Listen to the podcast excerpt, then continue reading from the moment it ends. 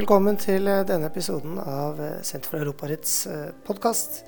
Dagens podkast er opptak av en europarettslunsj hvor professor Halvard Haukeland Fredriksen innledet om innlemming av EØS-forordninger i norsk rett. God fornøyelse.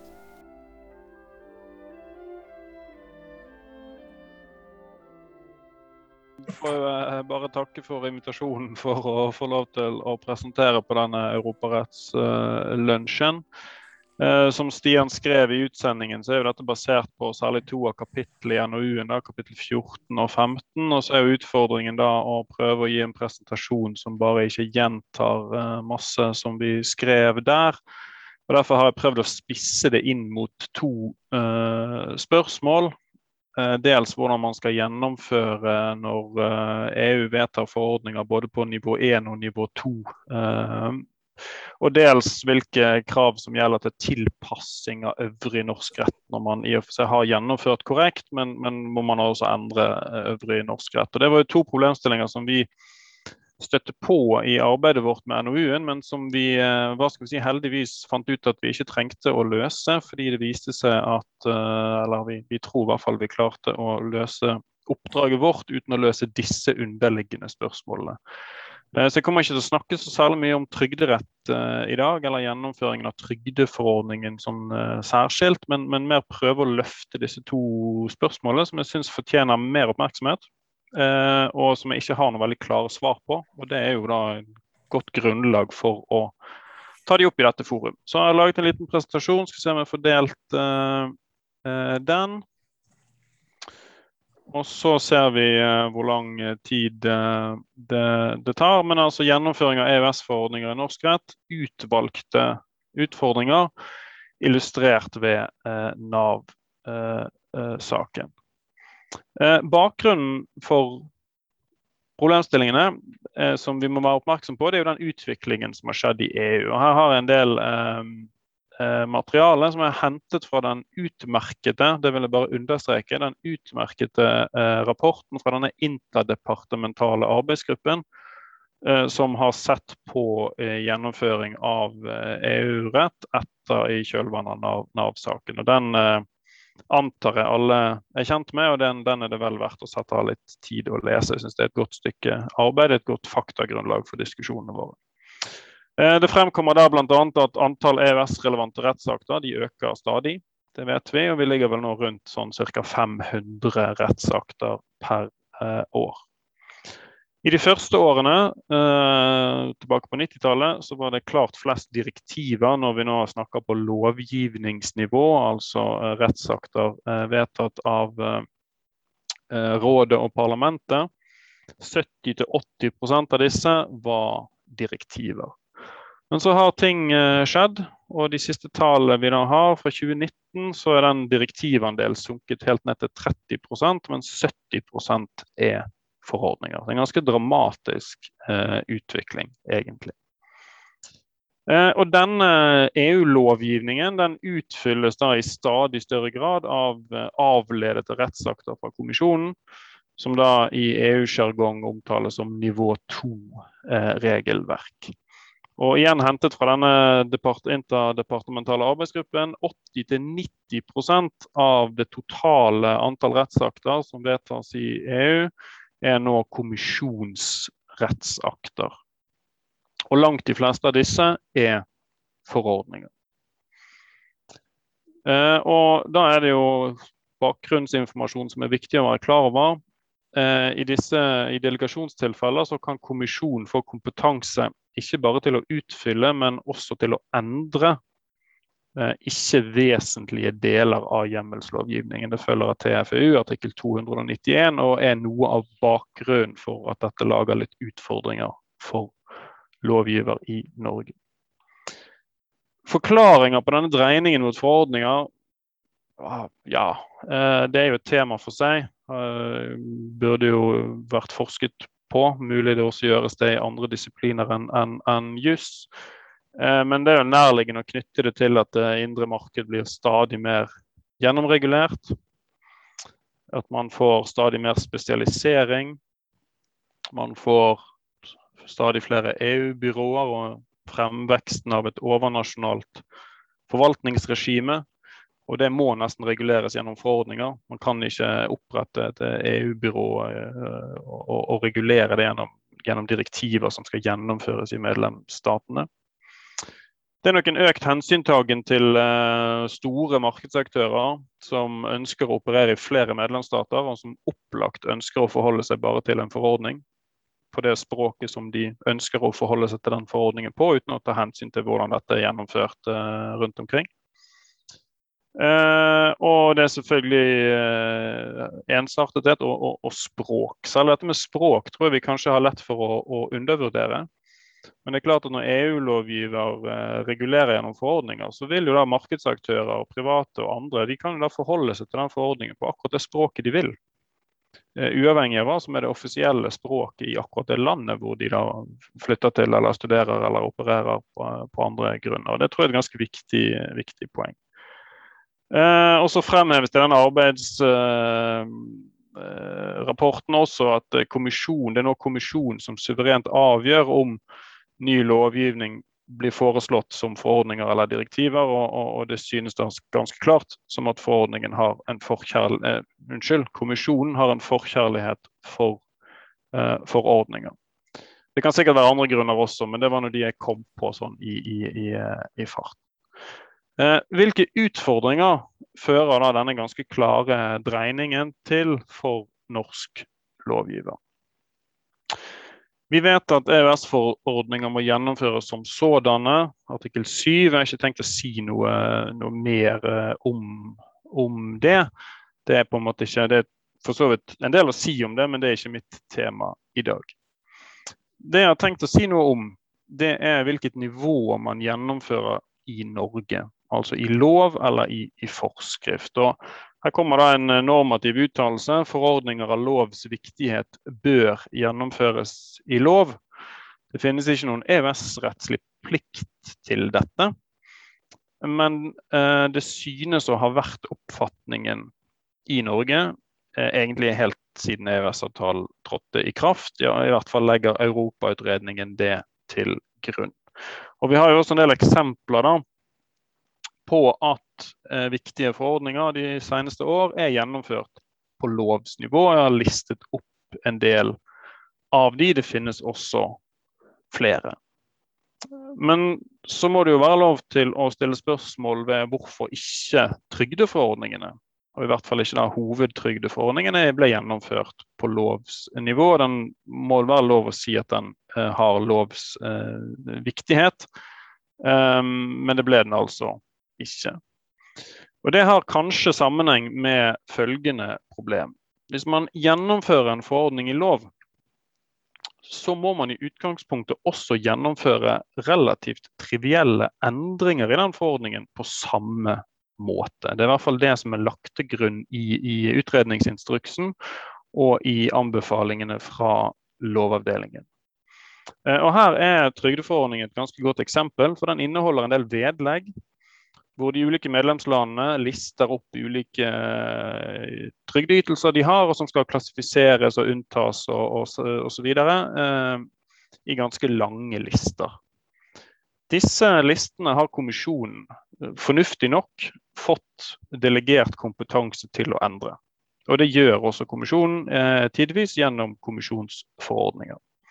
Men formelt sett er det ingen tvil om at dette er endringer av trygdeforordningen til endringer av trygdeforordningens vedlegg. Eh, og Hvis man da følger den eh, gjeldende lære i Norge, så må alt dette gjennom Stortinget. Eh, hvis man velger å inkorporere selve forordningen i, lovs, i, i, i lov. Og Da har jeg tillatt meg et lite spørsmål om, om dette noe av bakgrunnen. Dette, noe, dette er spekulasjon fra, fra, min side, men det er jo nærliggende å, å, å, å, spørre da, om ikke dette gjør det fristende å gjennomføre også ganske viktige forordninger på forskriftsnivå, fordi man ser at man da, det blir enklere i ettertid. Jeg skal ikke si at det skjedde med trygdeforordningen, men eh, i etterpåklokskapens lys så er det vel uh, lett å mene at den burde vært gjennomført i lov. Og så er det spørsmålet ja, kan man da se for seg bruk av derogasjonsbestemmelser som en løsning på dette problemet. Det var noe som dukket opp i diskusjonene våre i, i, i, lovutvalget, som vi brukte en god del tid på, og som vi til slutt endte opp med å ikke foreslå, eller ikke trenger å foreslå. Men, men samtidig skrev jeg litt om det i et sånt forsøk på å løfte dette spørsmålet eh, til litt større debatt. Eh, jeg har tatt inn noen eksempler på Eh, to sånne derogasjonsbestemmelser. De har særlig dukket opp på Finansdepartementets eh, områder. Finansmarkedsregelverket. Temmelig sikkert fordi at Finansdepartementet er det departementet som kanskje i aller størst grad møter viktige eh, forordninger som bør gjennomføres på lovsnivå, og så en flom av nivå 2-regelverk etterpå. Eh, og det Finansdepartementet har gjort, eh, tilsynelatende i strid med, med, med utredningsinstruksen og, og, anbefalingene til Lovavdelingen, men, men, likevel. Det er altså å gi seg sjøl adgang til å endre forordninger gjennom forskrifter. Som gjennomfører da nye forordninger. Um, et eksempel er lov om EØS finanstilsyn, hvor, hvor da uh, hovedforordningene har lovskraft gjennom paragraf 1-1. og hvor paragraf 6 da sier at uh, departementet kan i, disse, i forskrift gjøre endringer, herunder fastsette unntak fra bestemmelser gjennomført i paragraf 1-4, og det er altså forordningene. Så man får altså en, um, en vidt åpent formulert hjemmel til å eh, endre forordningene gjennom nye forordninger som vet, gjennomføres i forskrift. Og Revisorlovene er et annet eh, eksempel eh, på det samme. og Der er det mer hele greia samlet i én bestemmelse. Der har man 12.1. Man gjennomfører eh, revisjonsforordningen i, i, første ledd. Og så i tredje ledd så gir man eh, da seg selv, eller departementet får, Eh, eh, myndighet til å fastsette utfyllende forskrifter. Herunder fastsette unntak fra eh, den forordningen som nettopp er gjennomført i første ledd. Så Et interessant utvikling som da særlig skjer på finansmarkedsområdet, som kanskje etter mitt syn ikke har fått den oppmerksomhet den fortjener i et litt sånn større EØS-miljø og på, på, andre sektorer. Eh, en ting som vi da drøftet litt i, i eh, lovutvalget, det var om eh, man kan se for seg en løsning hvor man bruker EUs sondring mellom nivå 1 og nivå 2-regelverk når man gjennomfører i norsk rett. Dette var ikke noe vi uh, fant på sånn helt på egen hånd. Det har uh, bl.a. Verdipapirhandellovutvalget foreslått for flere år siden. Men uten at det ble fulgt opp i loven som deretter ble vedtatt, for den bruker ikke eh, denne sondringen mellom nivå 1 og nivå 2-regelverk. Den kan selvfølgelig bli praktisert sånn, men, men derogasjonshjemmelen eh, si, den, den, er ikke begrenset til nivå 2-regelverk, den er generelt utformet. Eh, hvorfor kan det være nyttig å bygge på denne sondringen mellom nivå 1 og nivå 2-regelverk? Vel, Eh, fordi eh, arbeidsfordelingen mellom EU-lovgiver, altså rådet og parlamentet, eh, og kommisjonen bygger jo selvfølgelig på, på, samme tankegang som arbeidsfordeling mellom lovgiver og forskriftsgiver i Norge. Sant? Viktige spørsmål reguleres av lovgiver, mindre viktig utfylling reguleres av forskriftsgiver. Eh, men det er selvfølgelig ikke dermed sagt at den sondringen altså den praktiseres likt i, i EU og, og, og, Norge. Det um, har jeg ikke undersøkt. og Det ville jo vært et veldig interessant forskningsprosjekt å finne ut av om, om den arbeidsfordelingen er lik. Men, men det underliggende tankegodset er jo det samme. Det bygger jo på demokratibetraktninger. Hva, hva bør vedtas av lovgiver, og hva kan man overlate til, til uh, kommisjonen i EU da, eller, eller forvaltningen i, i, i Norge. Eh, og så er jo den delegasjonsadgangen i EU da begrenset eksplisitt i, i, traktaten, men det er jo en ganske vag grense. Som jeg alt vært inne på, en sånn uh, operasjonalisering som dette vil neppe være i samsvar med utredningsinstruksen sånn som den er per i dag. Det er nok uh, ganske klart at uh, har man gjennomført en forordning som trygdeforordningen, hvis man gjennomfører den i lov, så tilsier nok utredningsinstruksen per i dag at også alle endringer av den må gjennomføres i lov. Selv om de bare handler om at Nederland har omklassifisert barnetrygd til enslige fedre fra et eller annet til noe annet. Uh, og hvis man går i denne retning, så aktualiserer det Eh, et annet stort tema som jeg heller ikke har tenkt å gjøre noe annet enn å endre eh, nevne i, i dag.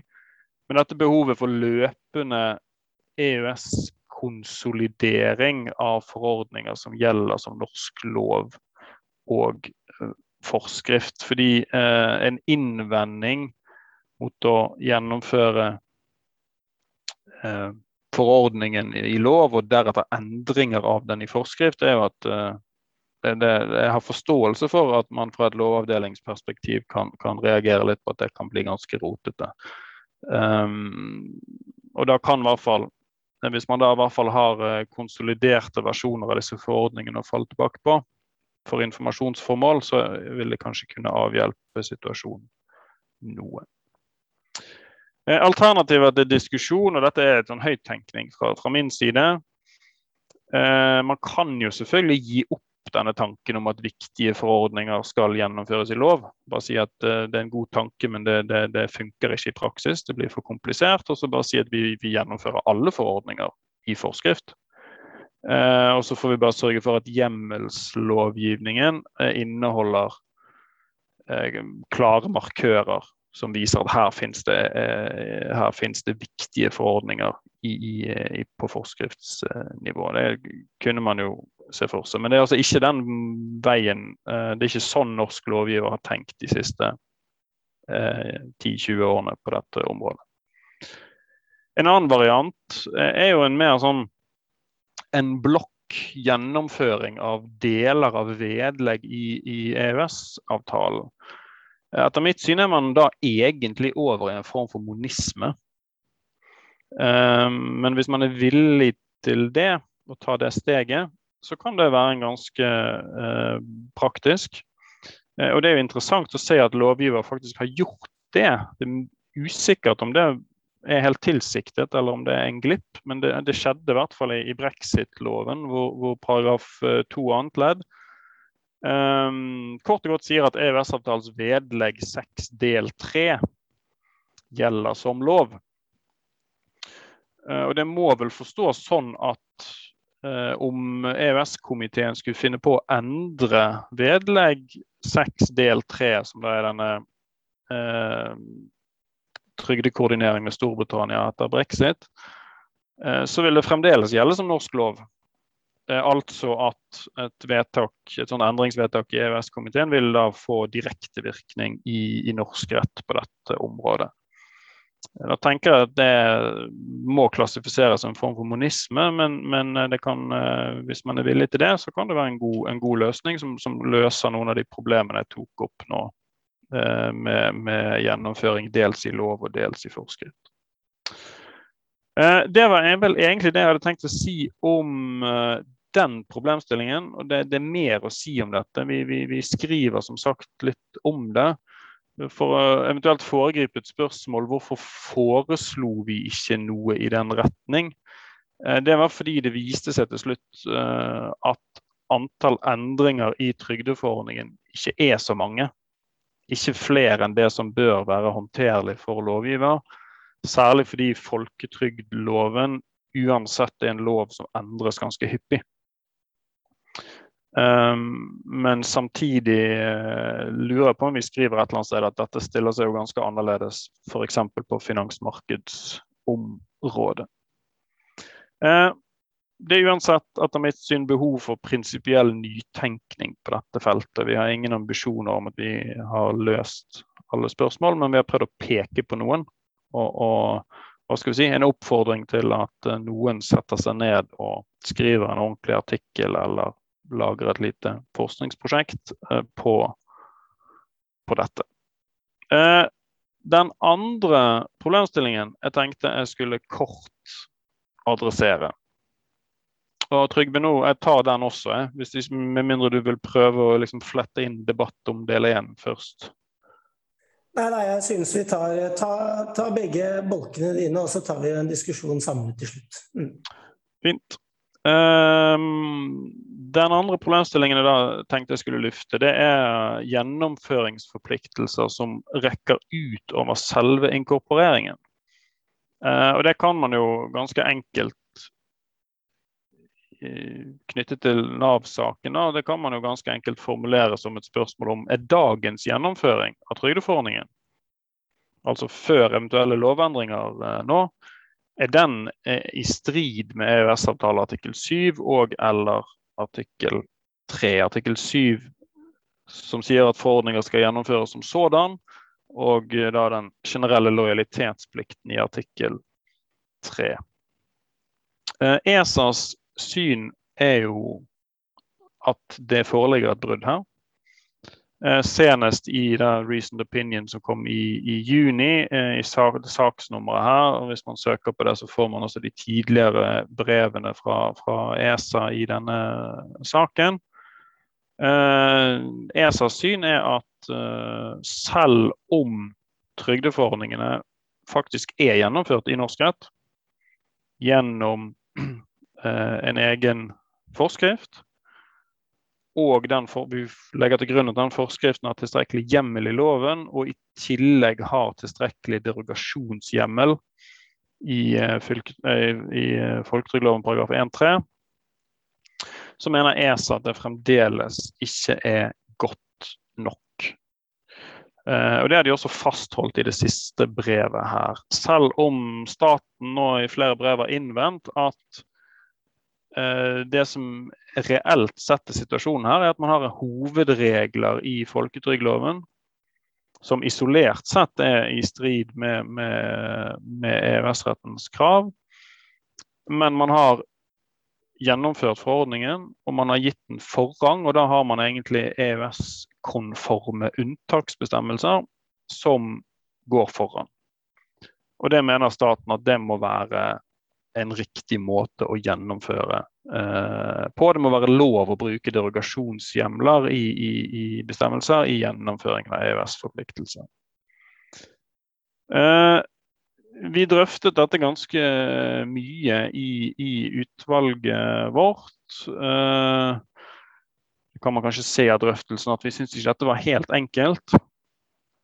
Men vi eh, kom til at noe sånn absolutt forbud mot en sånn hovedregel-unntak-konstruksjon, det kan det ikke være. Og Hvis det er det ESA mener, og det ser nesten ut som det, så mener vi nok at ESA tar uh, munnen litt for full på det punkt. Men på den annen side, uh, gjennomføringen vil bare være i tråd med, med EØS-rettens krav dersom det er tilstrekkelig klart at man har unntaksregler som er EØS-konforme og som går foran. Men i prinsippet må nok de unntaksreglene kunne være i en forskrift, så lenge det fremgår tilstrekkelig klart at den forskriften faktisk går foran loven eh, i de aktuelle tilfellene. Eh, og For utvalgets del da, så mente vi at dette kan ikke løses sånn helt generelt, som, som ESA kanskje ser ut til å ville gjøre. Eh, det blir en konkret vurdering av om rettstilstanden er tilstrekkelig klar. Eh, og da ender man opp med noe som jurister er, glad i, en konkret helhetsvurdering, hvor vi, vi, i hvert fall prøver å peke på noen eh, elementer. Vi tenker det må være relevant hvem som er rettighetssubjekter. Um, jeg har ikke klart å finne klar støtte støtte for det i EU-domstolens praksis. og sånn sett kan Det være at vi, vi, det kan godt rettes innvendinger mot dette, men vi tenker at eh, regelverk som gir rettigheter til hva skal vi si, vanlige folk, folk flest eh, må, Det må kunne stilles høyere krav til det regelverket enn eh, profesjonelle aktører på finansmarkedsområdet f.eks. som eh, forutsetningsvis har eller kan skaffe seg juridisk kompetanse til å, til å finne ut av, av, av rettstilstanden. Eller for så vidt regler som er rettet mot staten, som også forutsetningsvis må, må, må ha kompetente folk til å finne ut av, av, eh, av dette. Eh, og litt sånn til, til debatt. Um, ja, hvilke andre faktorer er relevante for om rettstilstanden er tilstrekkelig klar? Um, hva med eventuelle EØS-markører i loven? Vil de være relevante? Tenker kanskje ja, men uh, hvis de bare er der av informasjonshensyn, så kan det kanskje rettes innvendinger mot det synspunktet. Eh, hva om det forarbeider, rundskriv, andre kilder som, som gjør dette som klart, eller klarere enn det man klarer å lese ut av reglene selv? Holder det? Eh, jeg er veldig klar over at eh, EU-domstolen i en rekke saker har sagt at å gjennomføre direktiver i forordninger og sånt, det, det er ikke greit. Men, men, det vi diskuterer her, er en litt annen eh, problemstilling enn det. Og, og så kanskje noe av problemet i, i trygdesaken, nemlig forordningens klarhet. Jeg mener ikke, jeg mener ikke at trygdeforordningen er uklar, men den, den er jo formulert på en hvis man tar oppholdskravet i, i folketrygdloven, paragraf 11-3 for arbeidsavklaringspenger, så kan man ikke slå opp en bestemmelse i trygdeforordningen som sier at uh, eventuelle oppholdskrav for arbeidsavklaringspenger gjelder ikke. Uh, det er tvert imot generelle regler om, om uh, eksportabilitet som man må lese i trygdeforordningen og så finne ut at jaha, det må vel bety at et oppholdskrav ikke er, er greit.